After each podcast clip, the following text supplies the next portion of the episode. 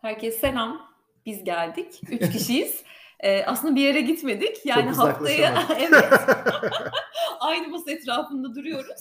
Haftaya çekeriz dediğimiz, dediğimiz bölümü. Bir çay molası kahve molasından sonra tekrar çekmeye karar verdik. Çünkü muhabbet çok güzel akıyordu. Bir de bir üç saat yol bir daha bu adada nasıl Yani gidecekleri evet şimdi. yazık. Hayır sizin için her türlü her türlü çekelim. Bak Yani bunu hatırlatırız. Bak. Saatte çekerim. Sonrakinde sizi davet ederim. Bir de siz çekin derim. Allah çektirmesin. O da öyle ya. Ama güzel fikir. Bence evet. Bizim sende bayağı bir bölümümüz daha var gibi geliyor. Ne dersin bilmiyorum ama. Ben de bu arada konuk oldum. Gördüğün gibi Ben- ev sahibi gibi davranıyorum. Gerçekten utandım şu an Ben kendimden. tek başıma yapıyordum. Sonra bir süredir Rıfat Nasıl peydahlandıysam. Şimdi Rıfat'ın arkadaşlarıyla yapıyoruz. Ne güzel işte. Peki tek tekken nasıldı? Ee, yani nasıl başlamıştı? Şöyle için? başlamıştı aslında pandemide başladı. İçimde bir şeyler söyleme isteği var ama hani anlatacak insan yok. Ben tek başıma yaşıyorum ve böyle hani baktığında bir dönem eve kapanmıştık. Anlatmak istediklerimi anlatayım diye başladım. Ee, bir şekilde çünkü hani var olmak istiyorum. Belki de ben öldükten sonra birileri dinlesin ve katkı olmak istiyorum. Böyle bir şeyim vardı. Sonra kendi kendime beni etkileyen şeylerde konuşmaya başladım. Ama şey fark ettim yani gerçekten biriyle konuştuğunda muhabbet çok daha güzel akıyor. Tek başına çünkü hani diyalog olmadığı için o konuşuyorum konuşuyorum 5 dakika 6 dakika falan çok kısa kayıtlar oluyordu.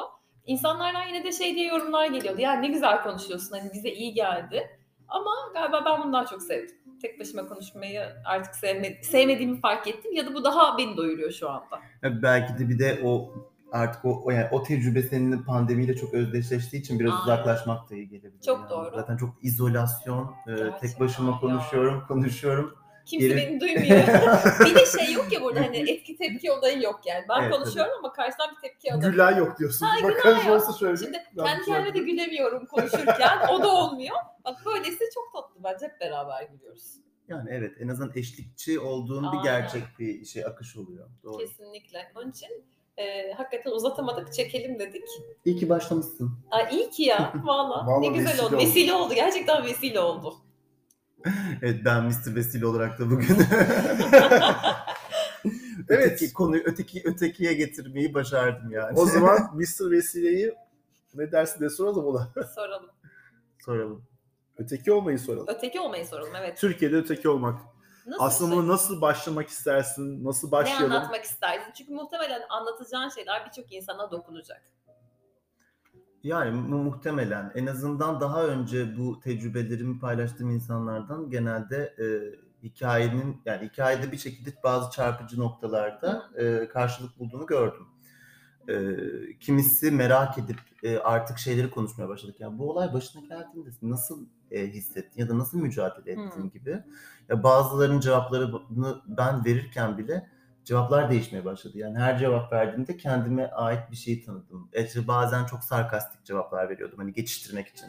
İşte çok egomanyak böyle sarkastik cevaplar e, ya da böyle narsist içerikli. Sonra aslında cevap verirken kendine şey yüzle, yüz, yani kendi yüzleşmeni yaşıyorsun. Ya hayır aslında öyle olmamıştı. Sen aslında bunu hissetmiştin. Ya aslında böyle olmuştu falan filan gibi. Ama genelde çok düşünmeden hızlıca verdiğim cevaplarda tabii bir samimiyet oluyor yine onun etrafında dolanıyor. Ee, tabii be- yani bu ötekiler öteki olduğunu çok çaktırmamaya çalışır biliyorsunuz. Yani. Doğru, doğru. Hikaye öyle başlıyor aslında. Sonra bir yerde bu külfet olmaya başlıyor. Çünkü e, çok öteki olmak istemediğiniz, en yakın, en samimi, en dürüst, en şeffaf olmak istediğiniz an ve insanlarla birlikteyken e, birçok şeyi sadece yani o şeffaflıktan çok uzak bir kapalılıkla ve sansürle yaşamak o kadar ağır olmaya başlıyor ki e, işte aslında aslında ben başka bir şey yaşıyorum ya demek zorunda kalıyoruz. Bunu ne zaman dedin ilk? Ay, şimdi Ben bunu ilk ne zaman dedim? Ee, zaten yani işte şeyle başlıyor. Zaten bir şekilde e, çevresel bir farkındalığın oluşuyor farklı olmaktan gelen. Yani bir şeyler var tarifli ve sen kendini orada bir match bulamıyorsun. Yani bir karşılığın yok. Hmm. İşte, e, işte ilkokuldasın.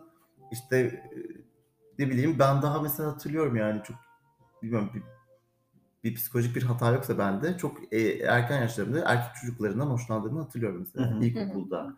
E, bu böyle e, cinsel içerikli bir seksüel bir şey değil bu arada yani. Romantik bir arkadaşlıkta da tercih ettiğin, beğendiğin, hoşlandığın o ilk e, erken ergenlikten geçen o dürtülerin uyandığı ilk devrede hep e, arzularımı hissediyordum. E, ben çünkü hani, ama o iletişimi kuruyordum yani. Zaten bana tariflenen şeyleri çok seçen bir çocuk hiç olmadı yani. Hani şunu yap, hayır onu yapmam, bunu yap, onu da istemem falan diyen bir çocuktum.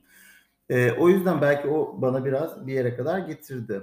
E, benim açılma hikayemde ya ben genelde hep afişi oldum yani.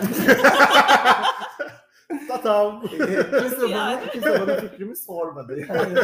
Sen şimdi işte uyduruyorum e, ne hissettiğini, duygularını falan söyleyecek misin ya da işte bunu buna hazır mısın diye bir ön hazırlık aşamasında olmadan birileri benim bir şeyin içine Attı. attı. Yani ben hep bir şekilde afiş oldum. İşte e, lisedeyken zaten hani artık o ergenliğin o evresinde herkes çok kendini ifadesi olarak belli etmeye başlıyor. Yani benim artık e, muhtemelen diğer erkek çocuklarının ayrıştığımın e, ya diğer erkek çocukları demeyeyim orada da yani standartta beklenen bir e, kalıba karşılık gelmediğimiz de çok aşikardı yani. Onu kör olmak ya da gözleri bağlamak. Hayır ya o çocuk öyle değil Ama e, ben o zaman çok romantik bir ilişkinin içerisindeydim lise sonunda. E, ve e, üniversite sınavına iki ay kala birçok stresi yönetemediğimi fark ettim. Hı. Yani o ilişkiyi yönetemiyorum, üniversite stresi, hayatını geçindirme stresi, o bir tabii o yaşadığın romantik ilişki sana bir güç veriyor. Diyorsun ki yani bunu yaşamaya devam etmek istiyorum. Bunu yaşamaya devam etmek için kendi hayatımı yönetebiliyor olmam lazım. Bu yönetim yönetimlerin birisi işte ekonomik bir e, özgürlüğü Özgürlük. elde etmek falan gibi işte mantıklı bir insanın kurduğu zinciri kurmaya başlıyorsun zihninde. Yani o arzulara giden yolda. Yoksa şey bir başka yerle. Şimdi neler araç yani orada şey olmaya başlıyor. Tutkularına erişmek için para gibi, kariyer gibi birçok şey artık araç olmaya başlıyor. İhtiyacı var. Evet çünkü ben oraya gitmek istiyorum. Neye bineceğim gibi bir şey. Ama ben ÖSS denen o e, bugün bile yani ben değilsin isterdim. Çünkü ben ÖSS 2006'da girdim yani yıllar sonra hala e, aynı stresi bugün birçok insan yaşıyor. Ben yönetemedim ve e, bu hayatımın o döneminde bir ayrılmak istedim. O, da, o dönemki e, boyfriendimden. Yani öyle, öyle olsun. Konuşamadım ergen ağızlarını yıkayım. Sonra nasılsa dinliyorlar. Tüm Türkiye bizi dinliyor. bir şey yok biz bizdeyiz. 70 Yani. milyon kadar. Sonra ben ayrılmak istediğimde hikayenin tabii şeyleri var. Karanlıkta kalan yerdi yani. Karşı cephede neler yaşandı ve ne aktığı bilmiyorum. Çünkü o yüzleşme ve e, herkes eteğindeki taşları döksün yaşanmadı. Ee, ve ben ayrılmak istediğimi söylediğimde işte okulu terk etti o dönemki sevgilim ve ben o, o onun sorumluluğunda bir çok üzüldüm gitme etme falan derken bir tekrar bir araya geldim onunla buluştuk işte geri döndü tamam her şey eskisi gibi olacak falan derken onu bir şekilde okula dönmeye ikna ettim. Ama şeyi fark ettim. Hayır yani o bir alana ihtiyacım var ve bu alan onu ne kadar sevdiğimle ilgili değil. Nefes almaya ihtiyacım olan bireysel bir alana ihtiyacım vardı ve dedim ki yok yapamıyorum yani benim bir şekilde kendi kargaşamı duygusal dünyamda toplamam lazım falan derken tekrar ona koyduğum ikinci mesafede e, ben bir gün onu e, kantinde başka arkadaşlara konuşurken gördüm. Sonra bu fark ettim ki işte yaşadığımız her şeyi anladığım kadarıyla paylaşmış. Çünkü ben çok hızlı bir şekilde e, disiplin kuruluna e, çıktım. Sonra da oradan uzaklaştırma aldım bu Nasıl şekilde ya? Silsile gereği gitti. Şimdi zaten siz orada e, o genç yaşta e, kendi jenerasyonunuzda bilmem kaç kişinin birden e, sizden uzaklaştığını hayal edin. Yani bütün arkadaşlarım birden benimle konuşmayı kesti. Benim telefonum hiç çalmadı. E, hatta daha kötüsü daha tehdit ve işte negatif içerikli mesajlar aldım. Yani sevgi, dayanışma ve yanındayızın yanını almamayı beklerken tam tersi işte daha e, işte kötü e, niyetli, içerikli e, şeyler geldi. Saldırgan ve agresif üslupta içerikli mesajlar geldi. Aynı şey o arkadaşına da oldu değil mi? Yoksa sadece sana olmadı mı? O, o da uzaklaştırıldı. Ben de uzaklaştırıldım. Ama mesela o tabii bulunduğumuz okulda o çok eskiden beri oradaydı. Ben son sene gelmiştim. Üniversite sınavına bir sene kala ben okul değişikliği yapmıştım. E, hal öyle olunca şimdi ben otomatik olarak işte ilk afişe böyle oldum yani. Afişe oldun oldum. aslında orada. Evet yani ben hatta lisedeki bir arkadaşımla yıllar sonra iki sene önce iş hayatında denk geldim bir yerde. O da iç mimar olmuş falan. Bana direkt şey dedi. ne yapıyorsun skandalların adamı? Böyle Tabii unutulmadı ya. Evet. Ama mesela işte tabii işte yıllıktan çıkartıldım. İşte, çok Oha. acımasızca ama bu tabii ya. tabii yıllıkta yani. yokum mesela. Oha dedi Ya, evet. programda. Fark Çok ettim. oldu. Ama çok ya? Böyle bir şey olabilir mi? Türkiye'de yaşıyoruz. bilmiyorum Türkiye'de ki yaşıyoruz evet yani. Yani orada senin varlığınla mücadele etmektense herkes yokmuşun gibi yapmayı tercih ediyor. Görmemeyi Evet, tercih hiç olmadı. Aa neredeydi? Yoktu ya. Gitti. Okuldan gitti ve zaten acayip ya. gitti. Yani zaten yoktu gibi. Ee, o ayrışmada yani o yalnızlık sürecinde e, çok da bir şey bir süreç yani kendinle barış sürecini orada yaşıyorsun. Yani çok kapsül bir an o. E, pandemi gibi diyebiliriz yani gerçekten. Kendi kendinle baş başasın ve sosyal izolasyonun zirvede ve mesafeler üstü mesafedesin. ve tekrar dünyayla bağlantı kurman lazım ama bunun yolu önce kendinle bağlantı kurmakla geçiyor. Çok doğru bir şey söylüyorsun şu anda ya. E, o orada Ben zaten uzlaşmalar başlıyor. Ne bu kendine bağlantı kurmayı bence eminim birçok insan şu an hala bile yapamıyordur. Sen bunu çok eskiden yapmışsın ve kendine dönmüşsün. Sence öyle değil midir? Yani ben herkesin kendisiyle bağlantıda olduğuna inanmıyorum.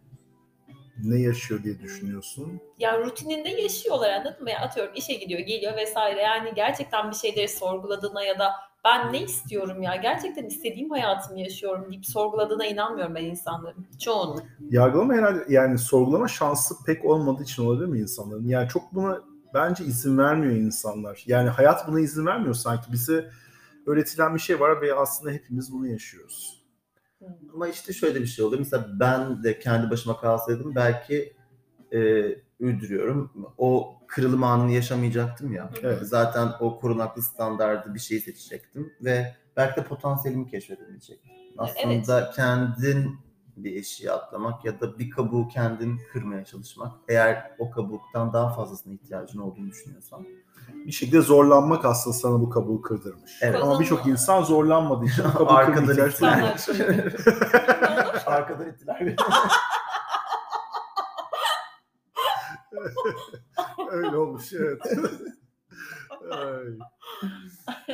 Ay. E, o, o, o öyle başladı yani işte yani öteki olduğunun e, gerçeğini en soğuk yaşadığın an zaten o toplumsal dışlanma. Bugün mesela ben işte Netflix'te falan da seyrederken lise dönemi dizilerine acayip tutulurum.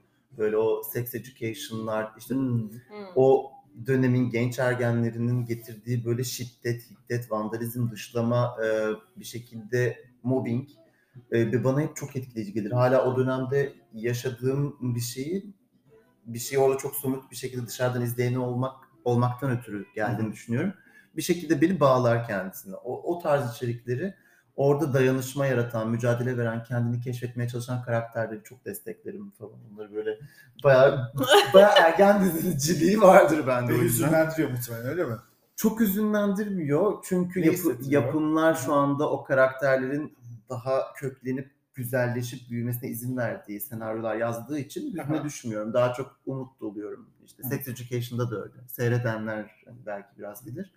O karakterlerin gelişim evresi o kadar umut verici ki e, bir hüzne düşmüyorsun ama hala yani en hiddetli şiddeti gördüğün yerin ergenlik ve lise olması ve o o, o dönemin şeyi e, vandalizmi dışlanması çok kuvvetli. Yani seni en öteki hissettiren yerlerden birisi oluyor. Çünkü orada bir sürü e, yetişkin rol modellerini kendisine daha sindirememiş, sadece uçlarda yaşayan böyle küçük e, küçük anneler, küçük babalar, küçük amcalar, dayılar, teyzeler falan dediğim o böyle hani ham ham insan.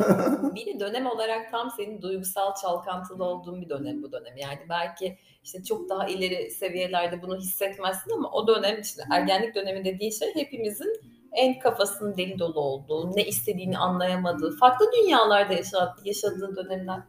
Peki sonra ne oldu? Valla yıllar sonra bana bir arkadaşım şey sordu. O dönemleri nasıl açtın diye hı. sordu. Hiç düşünmemiştim cevabını. Ta ki o soru gelene kadar.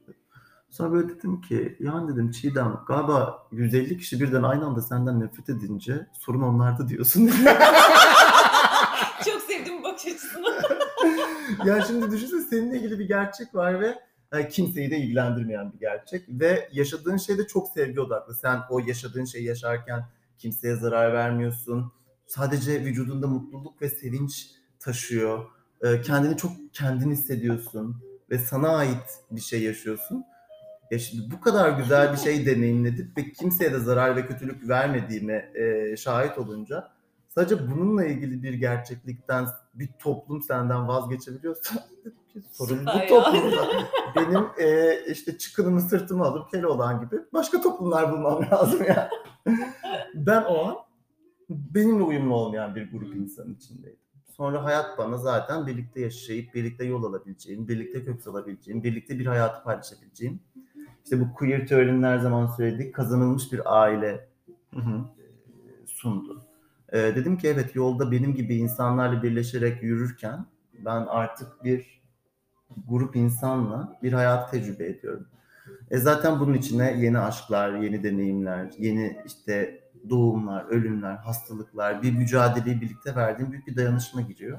Bu da tamamen bir köklenme artık yani yeni bir Peki ne zaman sonra tam böyle ben artık tamam ya ben rahatım.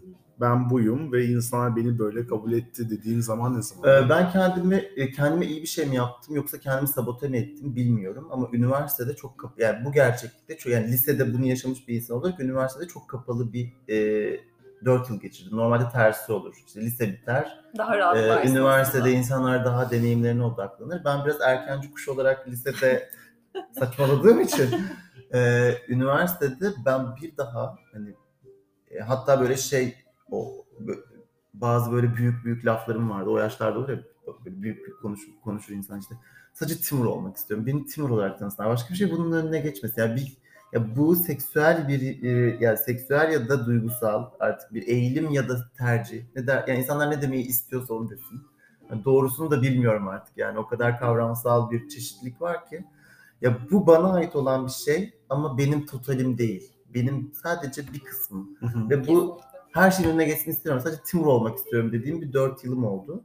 Orada bütün enerjimi başka şeylere kanalize ettim. İşte kariyerime, eğitimime ve çok, bunun çok meyvelerini de topladım. Yani insanın zaten odaklandığı ve emek gösterdiği bir şeyin geri dönüşünü almadığını hiç düşünmüyorum. İşte o dönem işte üniversiteyi dereceyle bitirdim. İşte beş tane ödül aldım. Yurt dışına burslu okula gittim falan. E, hayatımda aşk yoktu ama başka beslendiğim üretim kaynaklarım vardı. Bunların hepsi aslında sevgiyle başlıyor. Özünde sevgi özünde. vardı. Evet. Ben 4 yıl üniversitede öyle olunca ne zaman işte kariyerim başladı, kendi ekonomik özgürlüğümü ve bireysel hayatımı kurmaya başladım. Aslında ben üniversitede tek başına yaşayan bir çocuktum. Yani kısmen onu, yani üniversite hayatını kendi evinde, kendi özel alanında yaşayan bir insanım ama o süreci biraz inziva gibi yaşadıktan sonra e, evet e, biraz artık üniversite bitti, İstanbul'a geldim ve zaten her şey bir- böyle böyle oldu yani. Bir parmak şıkırtısı kadar birden bütün tavrım ve beklentim değişti. Muhtemelen benim e, dileklerim ve enerjim de değişince e, üniversitenin suratıma bakmadılar. İnanır mısın yani? Bir, bir tane bile flörtüm olmadı doğru düzgün. İstanbul'a geldim. Anam yapışan yapışan öyle bir talepte. Peki bir şey soracağım. Bu flörtler nasıl oluyor ya? Ben çok merak ediyorum. E, nasıl oluyor? E, Gerçekten şöyle. nasıl yani İstanbul'a geldin bir gün uyandın ve dediğim bir sürü insan belirdi etrafında. Nasıl Evet. oldu? Bir, e, flörtlere mi Flört- geçiyoruz burada? Ya geçin tabii. Ötekiden flörte mi geçiyoruz yavaş yavaş? Romantizm mi konuşacağız? Ee, Valla ilk inanır mısın Starbucks kuyruğunda oldu. Yani neredeyse bir New Yorker gibi e, anlatıyorum bu hikayeyi ama İstanbul'da ilk flörtünü geldiğinde Starbucks kuyruğunda yaşadım. Yani kahve sırası beklerken hatta kendisiyle kısa dönemde sevgililiğim de oldu tanıştığım kişiyle. E sonra tabii o, o yani ondan alternatifi zaten Şişli gibi bir merkezde yaşıyorsanız biraz daha e, bulunduğunuz yine metrekare itibariyle e, eşleşme imkanınız olan bir çoğu şey görünürlülük var. Doğru.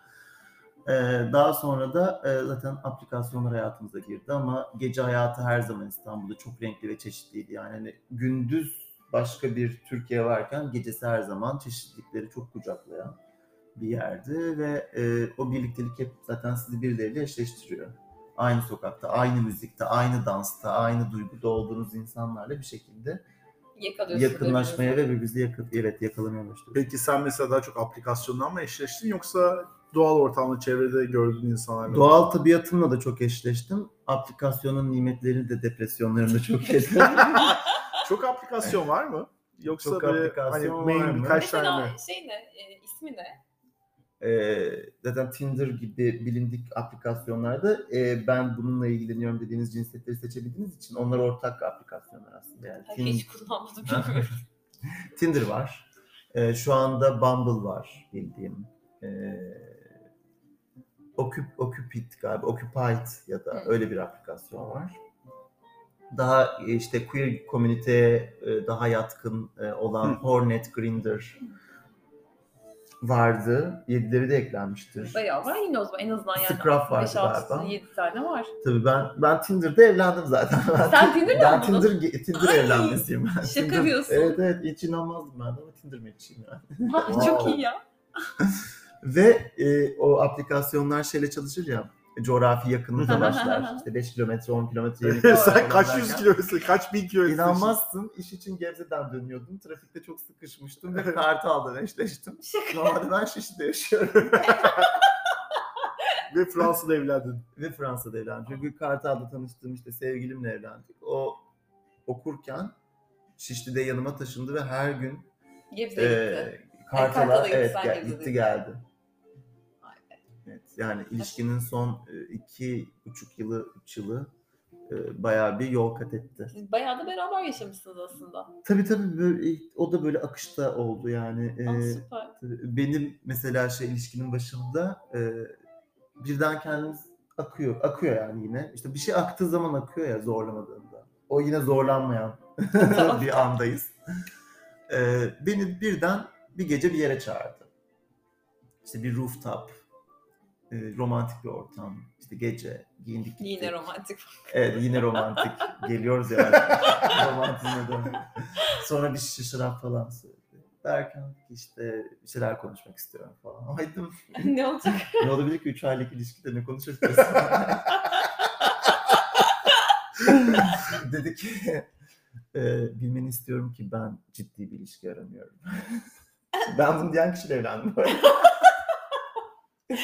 Dedim Şok oldum ben bu arada. Adamın her söylediği skandal ya. Gerçekten öyle. Bu şeyin başlığını orada tanımla.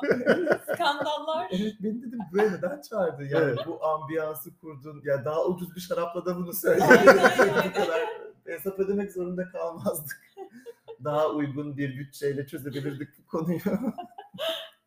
Çünkü insan hani o romantizmde böyle Başka bir Öyle şey bir şey bekliyor. bek- başka bir şey Evet başka bir şey bekliyor. Çünkü paket öyle geliyor yani. Evet. Ambalajına göre değerlendiriyorsun. Diyor, yani. doğru diyorsun. Ürün reyon ilişkisi yani. Sahilde köpek öldüğü çiçektik halbuki bu muhabbete. Aynen yani. Sonra bir baktım. Önce bir datayı algılayamadı. Ne Aha. ne diyor falan diye dedi. İlişkim istemiyormuş. Ne, ne işimiz var bizim bu romantik ortamda şeklinde.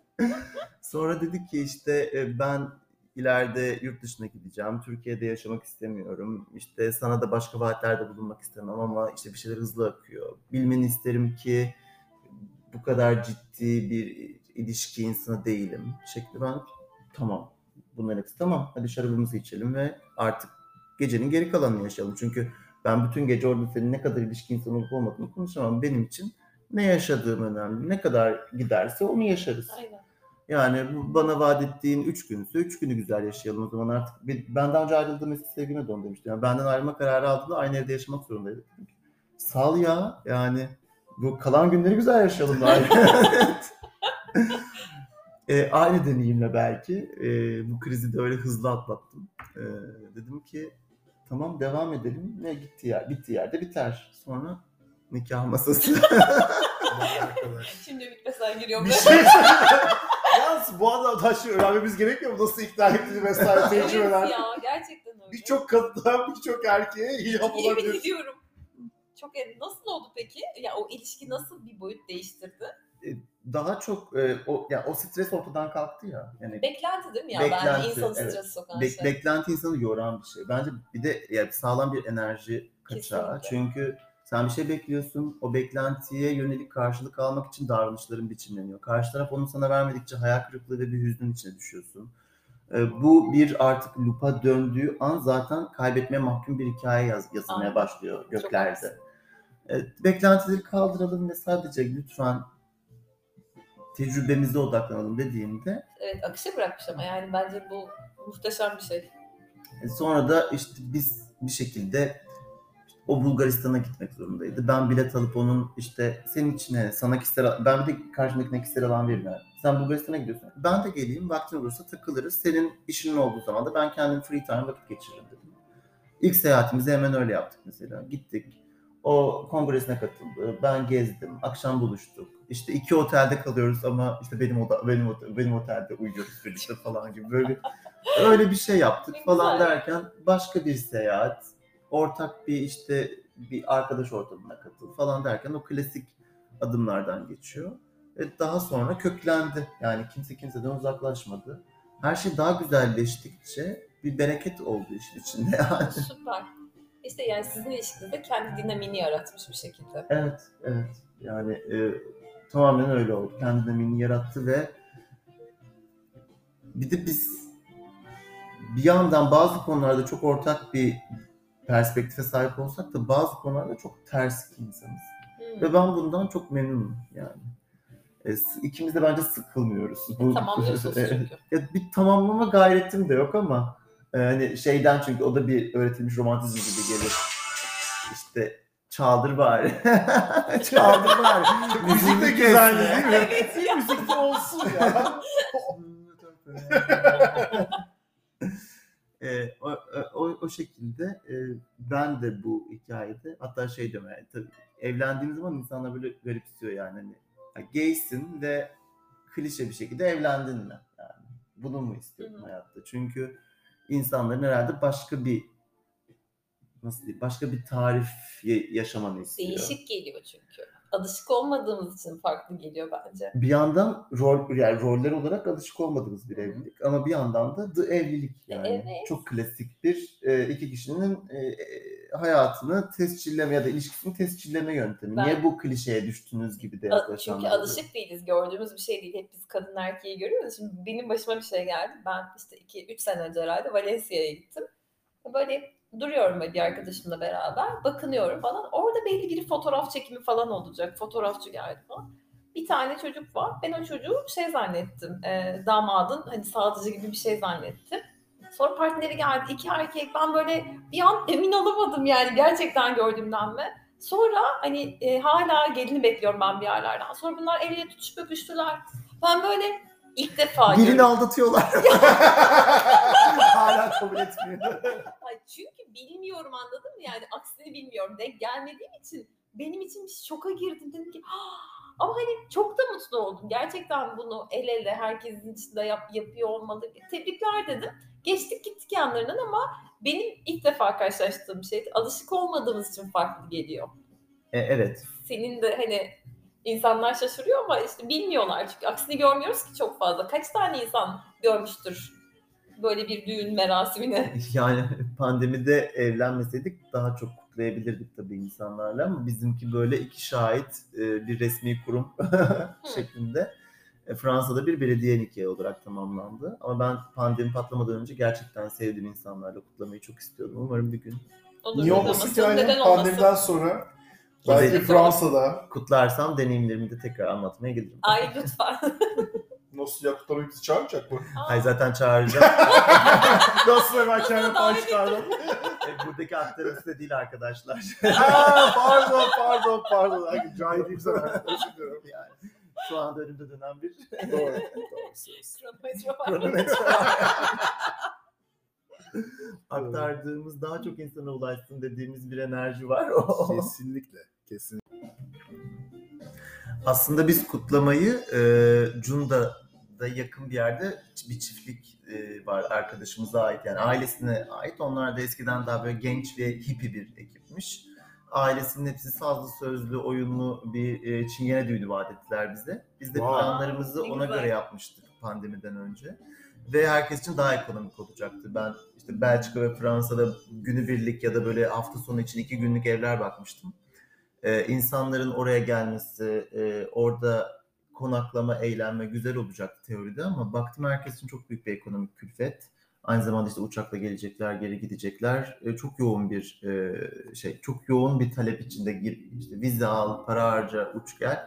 Bir yere kadar evet, bir yere kadar ben destek olmak istesem maddi olarak orada da benim gücüm bir yere kadar yettiği için yine insanların üzerinden çok yük almıyordu. Sonra Cunda da böyle bir Sural çiftliğiyle böyle şey olunca e, konuşunca o da Derya var ve eşi Kemal muhteşem bir düğün vaat ettiler. Biz de böyle gerçekten çingeneler diyarı yapalım.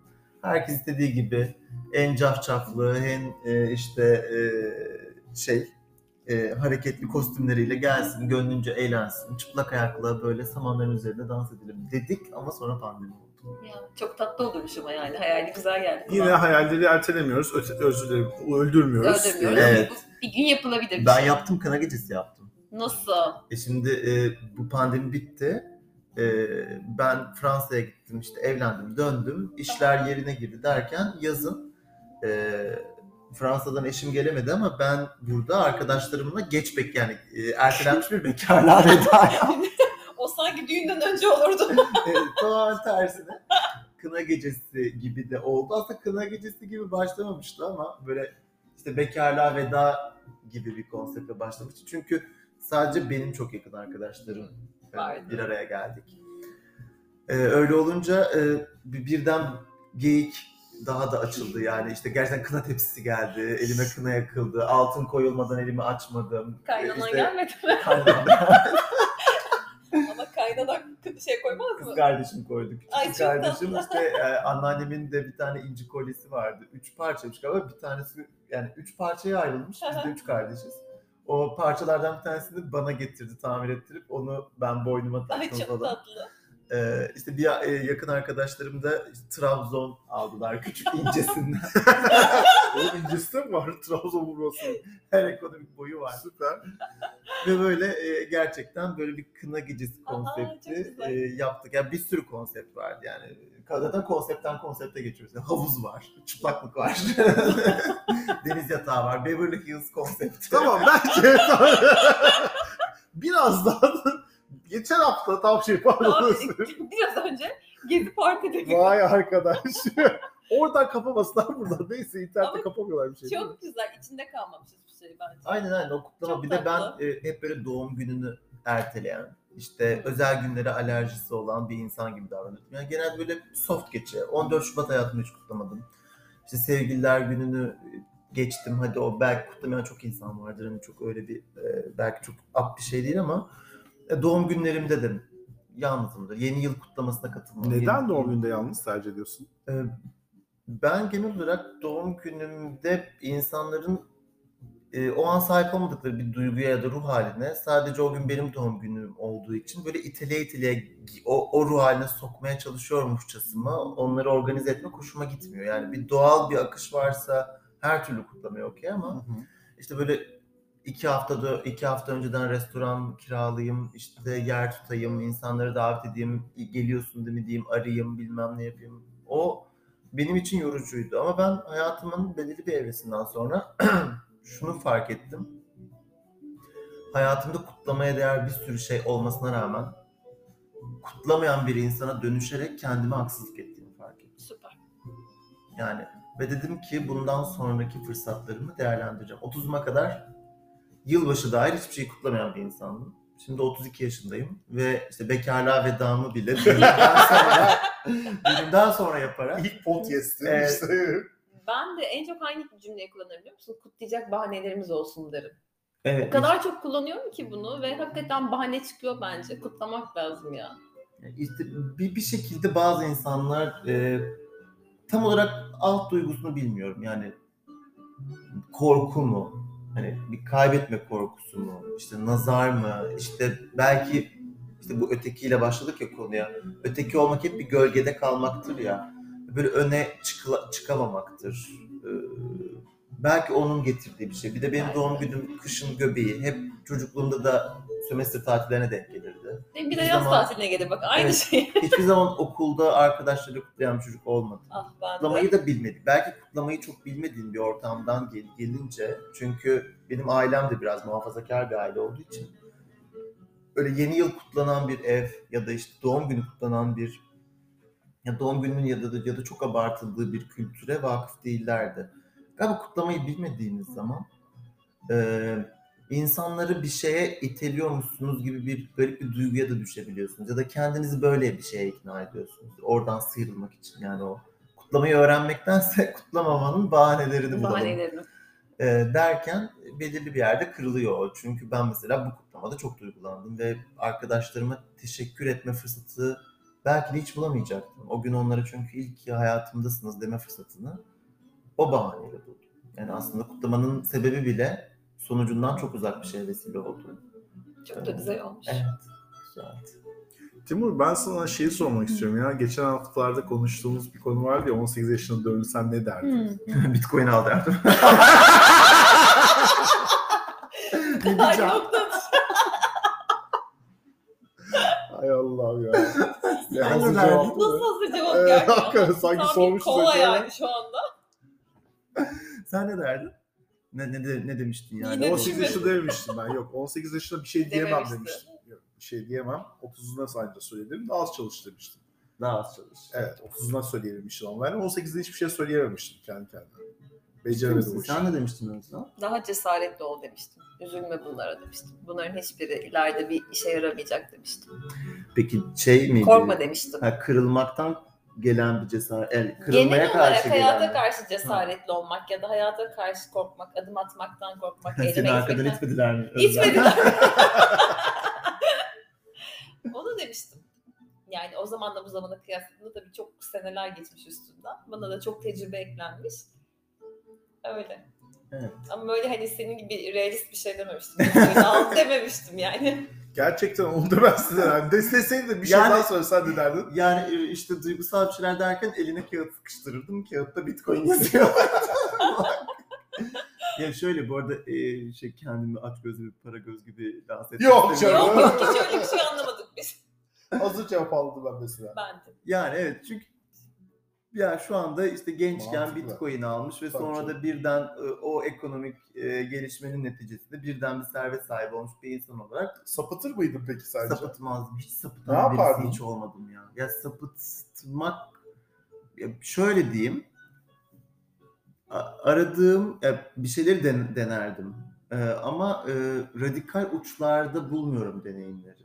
Yani sadece başka deneyimlere kapılar aralardım ve bunlar genelde farklı insanlarla farklı değerleri paylaşmak üzerine kurdu bende. Nasıl? Birazcık açsana. Yani Tamam. uyduruyorum insanların aklına işte uçsuz bucaksız partiler, işte belki uyduruyorum alkolün ya da bir çeşit uyuşturucunun deli gibi aktığı, işte herkesin kontrolü tamamen kaybettiği ve işte hiçbir şeyin neticesine katlanmak zorunda olmadığı e, eylemler ve eylemler bütününden oluşan eğlenceler e, gibi geliyordur. Benim için neşe daha farklı bir şey. Yani e, Nasıl bir şey? Nasıl bir şey? Ya mesela bir çocukla kurduğum diyalogtan çok tatmin olabiliyorum. Hmm. Ee, onun o yani bu çok çocuk da çok kendi içinde çok dönemlerine ayrılıyor ama çok küçük bir çocuğun kırmızı ilk öğrenirken ya da işte mesela yeğenimle ben Barcelona'da yürürken o 3 yaşındaydı ve benim o zaman da ablamla kız kardeşime açılmamıştım. Bütün yakın çevrem beni biliyordu ee, ama işte ailede daha böyle sessiz bir yemin vardı yani. Ee, işte yeğenimle yürürken Barcelona'da bir adam geliyordu ve adam bana gülümsedi. Ben de adama flörtöz bir gülümseme attım ve yeğenim böyle şey yaptı. 3 yaşındaki çocuk bu arada. Dayı senin umarım sevgilin olursa erkek olur dedi. Çok enteresan bu Evet. söylemesi. Ve o, o an yaşadığım şey mesela herhangi bir filtre ya da öğretilmiş bir düşmanlık olmadığı zaman bir çocuğun aslında bütün e, temiz ve duru görüsüyle dayım var. Dayıma çok temiz yani çok e, seksi bakan bir adam ve dayımın çok mutlulukla e, ona cevap verdiği bir gülümseme var ve Çok acayip değil mi? bir çocuk bile 3 yaşındaki çocuk bile dayı senin sevgilin olursa erkek olsun diyebiliyorken aslında toplum kendi kendini sabote ediyordur. Çünkü 3 yaşındaki çocuk Bunun bilme Doğru. şansı yok ki. bunu inanılmaz. diyebiliyor. O deneyim benim için çok tatmin ediciydi. E, bu- tabii parasal bir şey değil ama tabii ki de Barcelona'da doğan olmamız bir e, opsiyon. E, bu Barcelona'da olma hali nedir? Para vardı oraya gittik değil. Aslında birçok kültürün içinde var olmak. Yani e, işte Afrika'ya da git, gittiğimde orada sadece bir turist olarak gezmek istemem yani. Muhtemelen hayatımın her 6 ayında başka bir ülkede yaşa- yaşardım. Ee, farklı bir şekilde lokalize olurdum. Onların belki inançlarını, ibadetlerini, yemeklerini incelerdim. Onların çocuklarıyla vakit geçirirdim. Muhtemelen evlat edinirdim. Ee, birkaç tane farklı çocuk evlat edinmiş olurdum şu ana kadar. Bitcoin zengin olsaydı. Düşünüyor musun peki bundan sonrası için? E, Düşünüyorum ama işte neden Bitcoin'e oradan bağlanıyor ya şu anda ekonomik yeterliliğim Okey. Ama yönetebildiğim... ilerisi için düşündüğüm bir şey. Evet, evet, Hayat planının içinde bir yerlerde var. var. Çocuk var. E, Benim biyolojik saatim falan geldi yani bir çocuk kediyle falan oynarken bile ümelerim üst oluyor benim yani.